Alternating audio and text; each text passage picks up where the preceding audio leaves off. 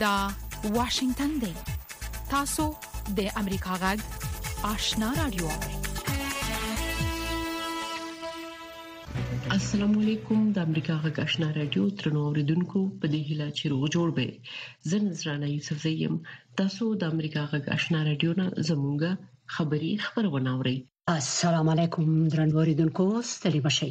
زه زیبا خادم یم دا د امریکا غږ آشنا رادیو خبرونه ده د نړۍ د دې ساعت خبرونو ته ستاسو پام را اړوم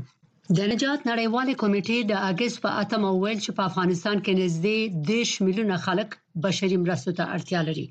د کمیټې د خبره په داسې وخت کې کړې ده چې د بشري مرستو د بودیجې کمی موجود دی د دې کمیټې اعلامیه وایي چې د طالبانو د بیا واکمنېدو نه وروسته یې په روان کال کې د بشري مرستو د بودیجې 23% ترلاسه کړې په داسې حال کې چې تیر کال په همدغه موده کې د بشري مرستو 40% بودیجه ترلاسه کړې و دا کمیټه وایي چې د همدې کبله د روان کال د جنوري د میاشتې نه نیولې د اپریل تر میاشتې پورې 2 میلیون کمو اړو خلکو ته مرستې رسول شوې دي د دې کمیټې رئیس ویلي دي چې د افغانستان اقتصاد لا هم د نړیوال سیستم نه بهر دی او 28.8 میلیونه خلک بشري مرستو ته اړتیا لري د اندونیزیا د بارنیو چارو وزیر رتنو مرسودي پرون په ټوئیټر کې لیکلي دي چې جمهور رئیس ویدیدو او د اسلامي همکاریو د سازمان سرمنشي حسن ابراهیم طه په جاکارتا کې لیدلي او په افغانستان کې د خزو جنکو د تعلیم په حق تاکید کړی دی خارجه وزیر مرسودي زیاته کړې ده چې په دې غونډه کې د افغانانو سره د اندونیزیا په شمول د نورو هیوادونو د بشري مرستو په اهمیت هم خبرې شوې دي طالبانو د قدرت د ترلاسه کولو نه لږ وروسته د شپږم ټولګي نه پورته نجونې ښوونځیو ته د تللو نه او همداشان د 2022م کال د دسمبر په 28مه نیټه یې جنکۍ او ښځې پوهنتونونو ته د تللو نه منع کړې دي اوچا نن په ټویټر کې لیکلي دي چې د تعلیم په سکتور کې د کافي بودیجې نشټوالی به د دې سبب شي چې د دې روان کال د اکتوبر تر اخر پورې په افغانستان کې 2800 کلیوالي ټولګي بند شي د ناروې د مهاجرو شورا عمومي رئیس یان ایګلن د اګست په ومه په ټویټر کې لیکلي دي چې د ناتو غړو هیوادونو په افغانستان کې د سولسیزو رئیسې په خپل پوځي عملیاتو ټریلیونه ډالر ولګول مګر اوس هغو وږو ماشومانو ته چې د دوه زره او یوویشتم کال راپدیخوا یې شمېر ډېر زیات شوی دی، اساسي بشري مرستې نه رسوي او افغانستان یې یوازې پرېښی دی. د افغانستان د احصایې ملي ادارې د الکترونیکي تذکرو بیې ټاکلې دي. د دې ادارې د خبرپاڼې په اساس، په مرکزونو کې د الکترونیکي تذکرې بیه پنځه سوه افغانۍ او په اسان خدمت اداره کې اووه سوه افغانۍ ده. د افغانستان د جمهوریت حکومت په دوران کې د الکترونیکی تذکرې بیه 100 افغانۍ و خو واک ته د طالبانو د رسیدو نه لږ وروسته 300 افغانۍ شو او اوس 200 افغانۍ نور هم پی زیات شوې استرالیا تر دې دمه د 450 زره افغانانو د ویزو غوښتنلیکونه رد کړي دي د راپورټونو لمخې قریب 2 لک افغانانو د طالبانو له بیا واکمنېدو راهیسې د استرالیا مقاماتو ته د ویزو غوښتنلیکونه سپارلي دي خو 12000 افغانانو ته ویزې ورکړل شوې دي په استرالیا کې افغان فعالان او د استرالیا د پوز پخوانی افغان همکاران اعتراض کوي چې د استرالیا حکومت هغه افغانانو ته هم ویزې نه دی ورکړي چې د استرالیا د پوز او مؤسسو سره کار کړی دی د سیمې او نړۍ خبرونه د امریکا غږ واشنگټن نه اوري د پاکستان د پوز لوی درستیز جنرال سید عاصم منیر یو ځل بیا په افغانستان کې تروریستي ډلو ته د پناه ورکولو او د آزادانه فعالیتونو په حق له ژوره اندېښنه خودلې ده او ویلي دي چې پوځ به یې د دغو ډلو د لمنځه وړلو او د خپل ولس د ساتلو لپاره د هیڅ ډول هڅو نه ډډه ونه کړي دا خبر د پاکستان د پوځ د عامه اړیکو د دفتر په خبرپاڼه کې د جنرال منیر له قوله لیکل شوی دی د پاکستاني مطبوعاتو د راپورټونو په اساس د اگست په ومه د بلوچستان د تربت په سیمه کې د یو موټر مخ ته د سړک د غاړې بم چاودل او اوه تنه پکې وژل شوی دي د تربت د پولیسو مشر محمد بلوچ امریکا غږ ته ویلي دي چې دا خلک ټول ملکی کسانو او واده ته روان وو تر اوسه پورې د دغه برید پړه چا په غاړه نه ده اخیستې دا د امریکا غږ آشنا رادیو خبرونه ده د اوکراین چارواکي وایي چې د جدي په غونډه کې د سولې د وړاندیز نه پرته په بل وړاندیز بحث نه دی شوی د خبر تفصیل ته مو پام را اړوم د اوکراین د جمهور رئیس زيلنسکي دفتر وایي د سعودي عربستان د جدي په شار کې په جوړه شوې غونډه کې د کیف د سولې د وړاندیز پرته پر بل هیڅ وړاندیز بحث نه دی شوی او د غونډې ټولو ګډون کوونکو پریکړه وکړه چې په راتلونکو شپږ اونۍ کې به بل غونډه کوي د جمهور رئیس زيلنسکي د دفتر رئیس اندري یرمک چې په دې غونډه کې د اوکرين د هیئت مشري کوله وی ویل چې د غونډې ټولو استادو او د اوکرين د خپلواکۍ او ځمکنۍ بشپړتیا ملاتړ وکړ ښاغلي یرمک هڅه وکړه چې د کیف د سولې پلان ته وده ورکړي او جمهور رئیس ولادیمیر زيلنسکي هم اروپאי هیوادونو او د ناتو غړو هیوادونو ته په خپل ورستي سفر کې هڅه کړې چې د سولې دغه لسفقریز پلان ته ملاتړ جذب کړي شافیا سردار امریکا جغ واشنگټن بلاروس د دوشنبې په ورځ د پولند او لتوانیې سره خپلې پولې ته نږدې پوځي تمرینات شروع کړي دي د بلاروس او د ناتو د دوه غړو ملکونو ترمنځ کړکېچ هغه وخت زیات شوی دی چې د جون په میاشت کې په روسیا کې د لند بغاوت نه وروسته د ماسکو د یو اجیر ګروپ واګنر ملیشي بلاروس ته ولیږدول شوې هولند او لتوانیې دواړو په خپل پولو کې امنیتي تدابیر هغه وخت زیات کړل چې د بلاروس په منځګړتوب یوې معاملې لمخې زورګونه واګنر جنگیالي د هوا ته ورسېدل بلاروس د اوکراین په جګړه کې د ماسکو ملاتړ کوي د امریکا د باندنیو چارو د وزارت د معاونیت سرپرست وکټوریا نولان د نایجیر د پوځي مشرانو سره کتلې دي د فرانس پریس خبري اژانس د راپورټ لمخې نولان د اگست په 9مه د نایجیر په مرکز نیامي کې د دې هواد د پوځي مشرانو سره 2 ساعته ملاقات کړی دی په نایجیر کې د پوځي کودتا نه وروسته دا په نیامي کې د کودتا د مشرانو سره د امریکا لومړنی ارتباط بلل کیږي دوه هفتې وشو چې پوځیانو په نایجیر کې کودتا کړې او قدرت یې ترلاسه کړی دی د برتانیې حکومت د پناه غوښتونکو د لګښتونو د کمولو لپاره د یوې کشتۍ نه هوټل جوړ کړي او یو شمېر پناه غوښتونکي پکې ځای په ځای کړي دي دا کشتۍ د انګلستان په جنوبي برخه کې په اوبو کې ولاړه ده او تر 1500 تنو گنجایش لري په برتانیا کې مطبوعاتو ویلي دي چې ټاکل شوې ده د دې هیواد د بیلابیلو برخو نه مهاجر د ګران بیه هوټلونو نه وایستل شي او په همدې کښتۍ کې ځای په ځای شي. په دې درې منزله کښتۍ کې د خوب خونې، اشپزخانه، د خوړو لپاره جلا ځای، د ناستې او سپورت کولو لپاره وړوکی کلب او د جامو مینځلو اسانتیاوې هم شته او د امریکا په متحده ایالاتو کې په زورورو طوفانونو کې لږ تر لږه دوه تنه مړ شوي دي او د یو میلیون نه زیات خلکو باندې برېښنا قطع شوې ده مقاماتو پرون خلکو ته خبرداري ورکړې و چې د کورونو نه ونوځي ځکه چې سخت طوفان را روان دی د طوفانونو له کبله په متحده ایالاتو کې زرګونه داخلي پروازونه هم ګډوډ شوي او ځنډول شوي دي او په لسګونو نورو ایالتونو کې د زرګونو کورونو او کاروبارونو برېښنا قطع شوې ده زیبا خادم امریکا غږ واشنگتن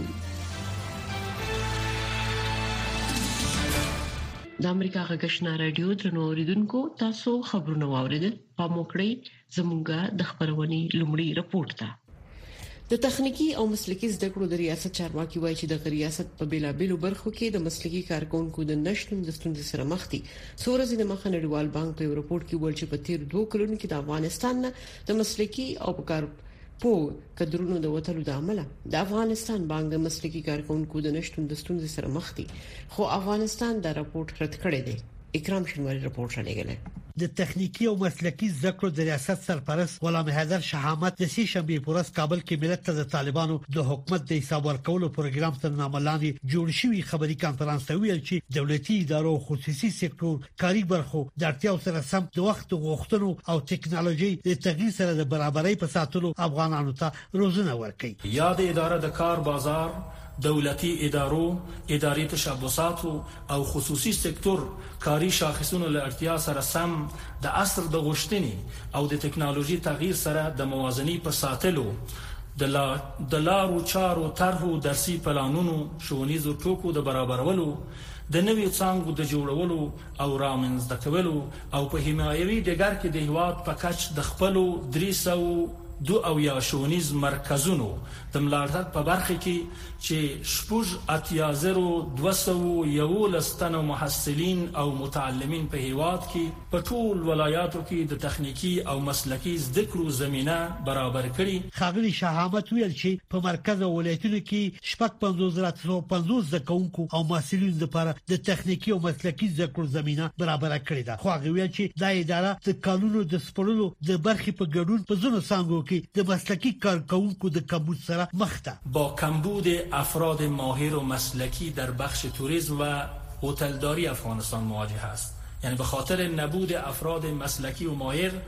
و اگر آنها موجود باشه ای توریسم و صنعت هتلداری ما و شما رونق بسیار خوب پیدا میکنه. د مسلکي او تخنیکي زده کړو د ریاست د معلوماتو له مخې، د تېر کال پر مهال د ادارې ستراتیژیک پلان تدوین شوی، د تقنیني اسنادو د بیا کتنې او تدوین چارې بشپړې شوي، له وزارتونو، خپلواکو ادارو او کورنیو او نړیوالو موسسو سره نهه تفاهم لیکونه لاسلیک شوي او د اسانتیاو رامنځته کولو په هدف یو سل او نهه دېرش پروسي ساده شوې دي د تخنیکی او مسلکي زده کړو ریاست سرپرست په دغه ریاست کې د مسلکي کدرونو د کمبود یادونه په داسې حال کې کړې چې د زونو ریپورټونو لمخې په تیر دوه کلونو کې په لسګونو د پانتونو سازان له افغانستان څخه وتلي او په ډیرو دولتي ادارو کې په کارپو متخصصو کدرونو کمی لیدل کیږي تېره اونۍ نړیوال بانک د افغانستان په اړه په یو راپور کې وویل چې په دغه هېواد کې بیا واک ته د طالبانو د رسېدو وروسته د دغه بانک ډېر مسلکي کدرونه بهر ته تللي او دا بانک د مسلکي او په کارپو کدرونو د کمبود سره مخ دی خو د افغانستان بانک د مطبوعاتو امیر او ویاند حسیب الله نوري د نړیوال بانک راپور رد کړی او ویلي دي چې اوس هم دغه بانک مسلکي کدرونو لخوا اداره کیږي د افغانستان بانک مشرتابه د مسلکي او تجربه لرونکو کادرونو ساتنې او پرمختګ ته ژمن دی او په تېرو دوه کلونو کې د دې بانک مسلکي او تجربه لرونکي کادرونه ساتلي او په لوړو بستونو کې په دندو ګمارلي. دې بانک د پیسو وینځلو سره د مبارزې په برخه کې هم ګړندي ګامونه پورته کړي او د دې برخې د کارکوونکو لپاره یې مناسب کاري چاپېریال رامنځته کړی دی. په تېرو دوه کلونو کې په هېواد کې د افغانۍ له ارزښت څخه ساتنه او همدارنګه د انفلاسیون د نرخ کنترول، دا ښيي چې په دې بانک کې مسلکي کادرونه موجود دي او دا برخه په ښه ډول مدیریت شوې ده. دوه زره یوویشتم میلادي کال د اګست په میاشت کې په افغانستان کې واک ته طالبانو له رسېدو وروسته له دغه هېواد څخه په سلګونه زره مسلکي او په کار پوه افغانان بهرنیو هېوادو ته کډه شوي. طالبانو حکومت ځینو چارواکو تور لګولی چې له افغانستان څخه مسلکي او په کار پوه افغانان د لویدیځو هېوادو په لمسونه بهرنیو هېوادو ته هڅول کېږي. خو ځینې مسلکي افغانان وایي چې په افغانستان کې د نورو سیاسي عواملو ترڅنګ د بیکارۍ لامل خپل هیواد پرې خودو ته اړ شوي دي د بدلون پر مهال کله چې د نړۍ وضعیت څرګند نه وي او کله چې اوریدل ل عیني واقعیتونو سره سمون نه خوري موږ په حقیقت پسې ګرځو کله چې موږ ته د یو موضوع یوازې یو اړخ بیانېږي نو باور بایلو د ناورین پر مهال د یوې ښې راتلونکې لپاره زموږ خوبونه تم یو هلي پر آزادو مطبوعاتو تکیه وي د امریکا غږ پر چپو موږ هغه خبرونه خبرو چې خلک یې د لیدلو لپاره غواخونه مني موږ نړۍ سره وسلو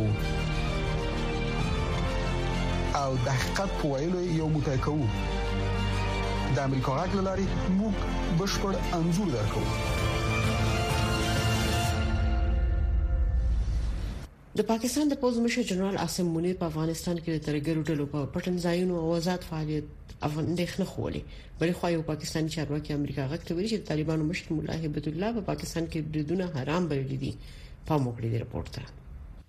د پاکستان د پوځ مشر جنرال عاصم منیر د پیښور په بالاحصار کې وی غونډې ته په وینا کې یو ځل بیا په افغانستان کې د تروریستي ډلو د پټنځایونو او په آزاد ډول د دغو ډلو په فعالیتونو ژور اندېښنه خودلې او ویلي دي چې پوځ به د دغو ډلو لمنځه وړلو او د خپل خلکو د ساتلو لپاره د هیڅ ډول هڅو څخه ډډه ونه کړي د پوځ په اعلامیه کې ویل شوی پاکستان د افغانستان په خاوره کې هغو ډلو ته چې بندیز پرې لګول شوی د پناه ځایونو په ورکولو او په آزاد ډول د دغو ډلو په اقداماتو باندې اندېښمن دی خو جنرال منیر ویلي د پاکستان امنیتي ځواکونه به د دغو تروریستي ډلو د لمنځه وړلو او د خپل خلکو د ساتلو لپاره په ټول توان سره هڅه وکړي نو موري زیاته کړې په ترهګریزو فعالیتونو کې د افغانانو ښکیلتیا د سیمې ثبات ته زیان رسوي او دا ډول اقدامات د دوحې له هوکړې څخه سرغړونه ده. خو سپینې ماڼۍ څه وخت مخکې ویلي وو، داسې نښې نښانې نشته چې وښيي په پاکستان او د کرښې په اوږدو کې میشت افغان کډوال دې په افراطي فعالیتونو کې ښکیل وي. د پېښور پوهنتون استاد سید عرفان اشرف وايي.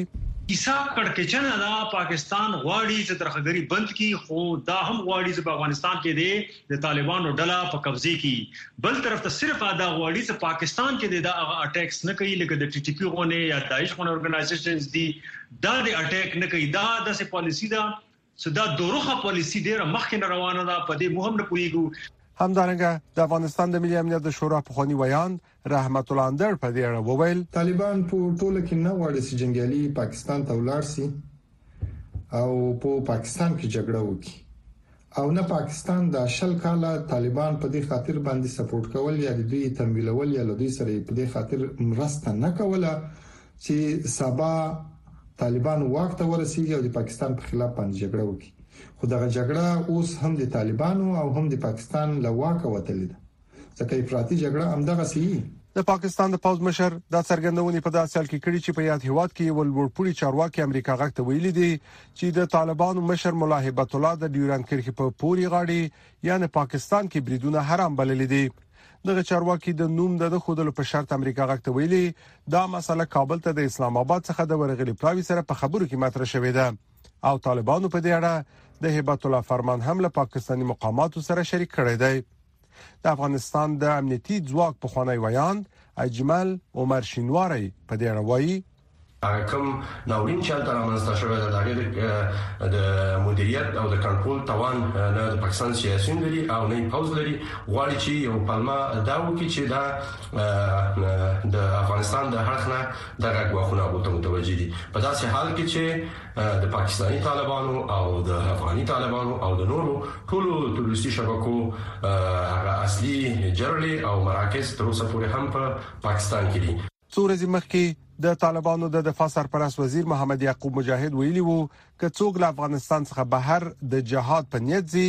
دغه جنگ د جهاد نه دی د طالبانو حکومت د اسم منیر د ورسي څرګندونو او په پا پاکستان کې د بریدونو د حرام بللو په اړه د خپل مشر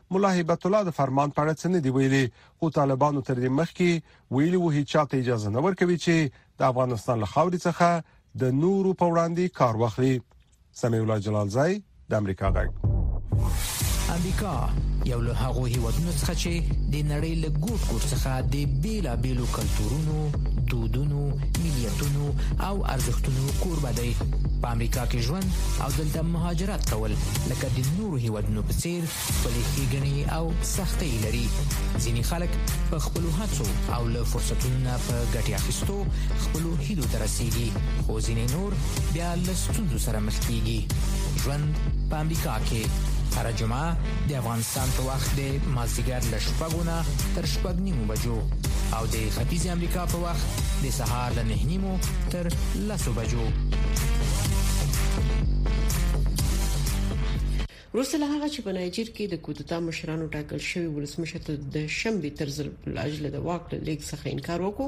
او د سیمې هواد نه د دوی له خوا د پوزي ګواخ په تر سر کولو کې پاتې راغلل امریکا د دغه هواد حالات له نږدې ساري نور تفصيل په دې رپورت کې د نایجیر په پلازمینه نیامي کې د نایجیر د کودتا مشران د سیمایزو مشرانو لویدیز لخوا د پوځي اقدام د خبرداري په اړه بې تفاوته دي. له یوې اونۍ زیات وخت کېږي چې کودتاچیانو واک نیولی او د دغه هېواد ولسمشر د دوی سره بندي دی. د هېواد د دفاع ملي شورا د نایجیر په کورنیو چارو کې د ختیځې افریقا د اقتصادي شورا او باندنۍ لاسوهنې په اړه خبرداری ورکوي. همدارنګه دا شورا د سیمې پر امنیت، ټیکاو او زموږ د ټولنې پر یووالي، د نایجیر په کورنیو چارو کې د لاسوهنې د ویجاړونکو پایلو په اړه خبرداری ورکوي.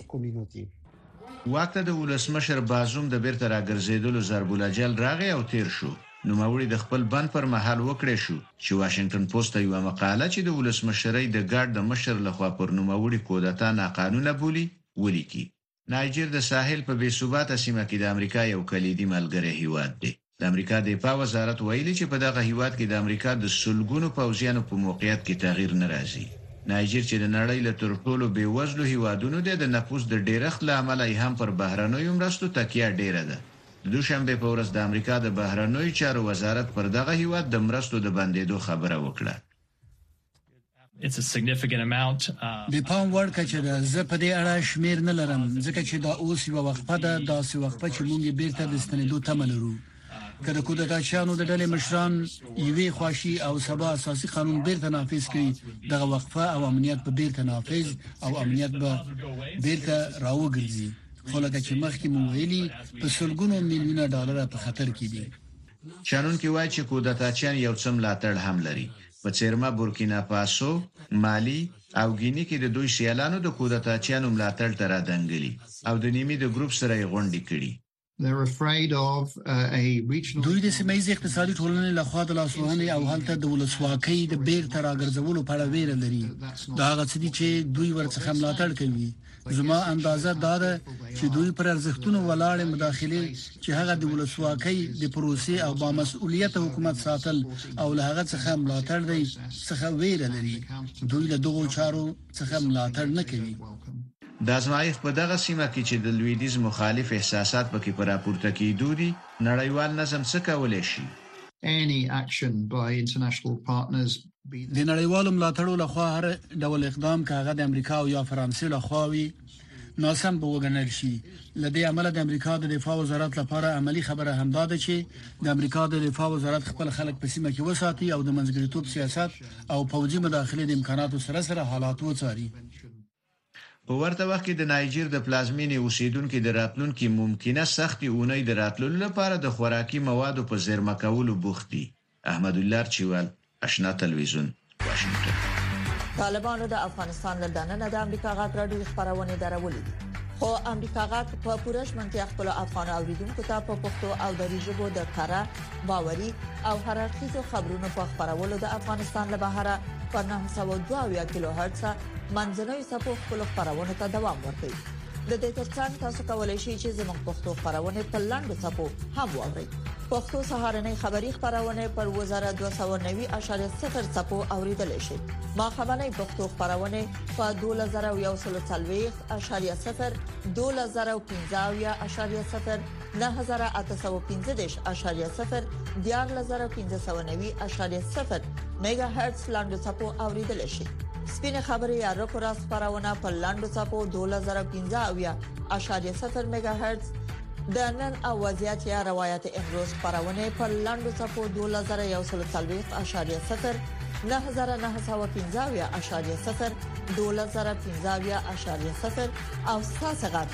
یا صداي شما خبرونه پر لاندو صفو 2513.0 9315 میگا هرتز اوریدل شي جاپان دا ونې په هیروشیما او ناګاساکي د متحده ایالاتونو د اټومي بمونو کلی زلمانځي پچی 1945م کال کې په لسکونو سره ملکی وګړي وجل او دویم نړیوال جنگ پای ته ورسو نو تفصيل په دې رپورت کې په جاپان کې هغه خلک چې د هیروشیما او ناګاساکي د اټومي بمونو نه ژوندي پاتې شوي د هیباکوشا په نوم پیژندل کیږي.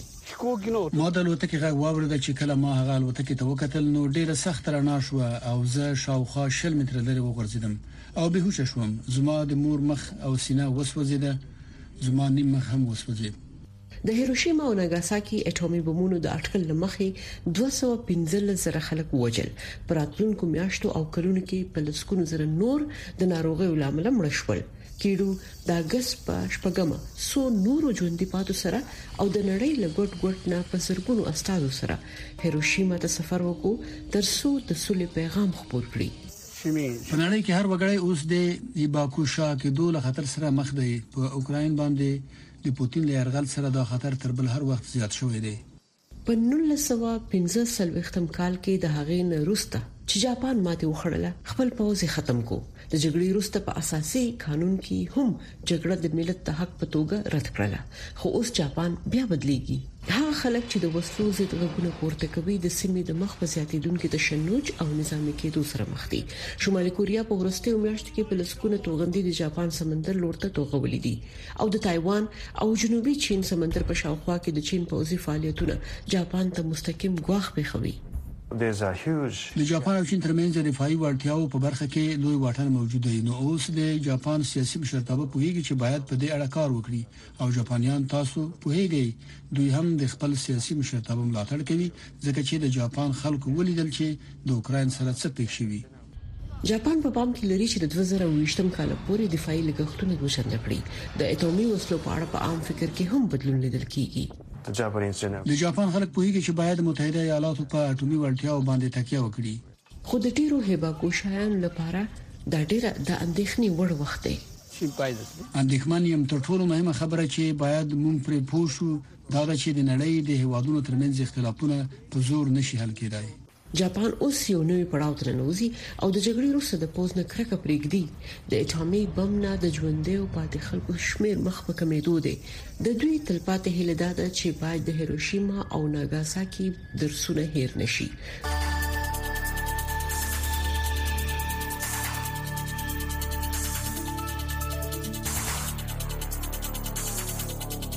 درنو اوریدونکو دا د امریکا غږ سر مقاله ده چې د امریکا د حکومت نظر څرګندوي امریکا په منځني ختیځ کې بحري لارو ته اضافي نظامی مهمات استوي چې د ایران لخوا د بدخوا او د بیثباتي سلوک مخاوني سي د پنتاګان د خبريال مرستيال سبرینا سنګر ویل د هرمز په تنګي کې د خبرداري د یو شمېر تازه پیښو په جواب کې د دفاع وزیر د یو اس اس تامس هندر تباکون کې د اف پنځه دېرش ډوله جنګي الوتکو او د اف شپاړس ډوله جنګي الوتکو ته امر وکړ چې د امریکا د مرکزي قومانده اني د مسولیت په سیمه کې ځای په ځای شي چې د امریکا د ګټو دفاع وکړي او په سیمه کې د کشتیو د چلولو ازادي وژغوري د ایران سمندري کشتیو په دې تازه وخت کې د جولای د میاشتې 15مه نیټه کوشش وکړ چې د هرمز په تنګي او د عمان په خلیج کې دوه تجارتي کشتۍ په غیر قانوني توګه ضبط کړي نتاق سنگ څرګند کړه په یو تجارتي کشتۍ باندې د ایران د سمندري کشتۍ نه د دزو په شمول یو کوشش وشو په دواړو پیښو کې د ایران کشتۍ سیمه پریخودله کله چې یو اس مک فعال رهبر شوی تباکون کې توغندي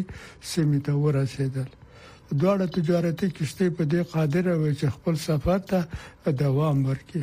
نور کشته دومره نیکمرغه نه وي ایران د روان کال په سر کې څه کم په وخت کې د تیلو دوه ټانکرونه ضبط کړل د امریکا د سمندري قواو مرکزی قوماندانۍ څرګنده کړه چې د 2020 کال نه را په دې خوا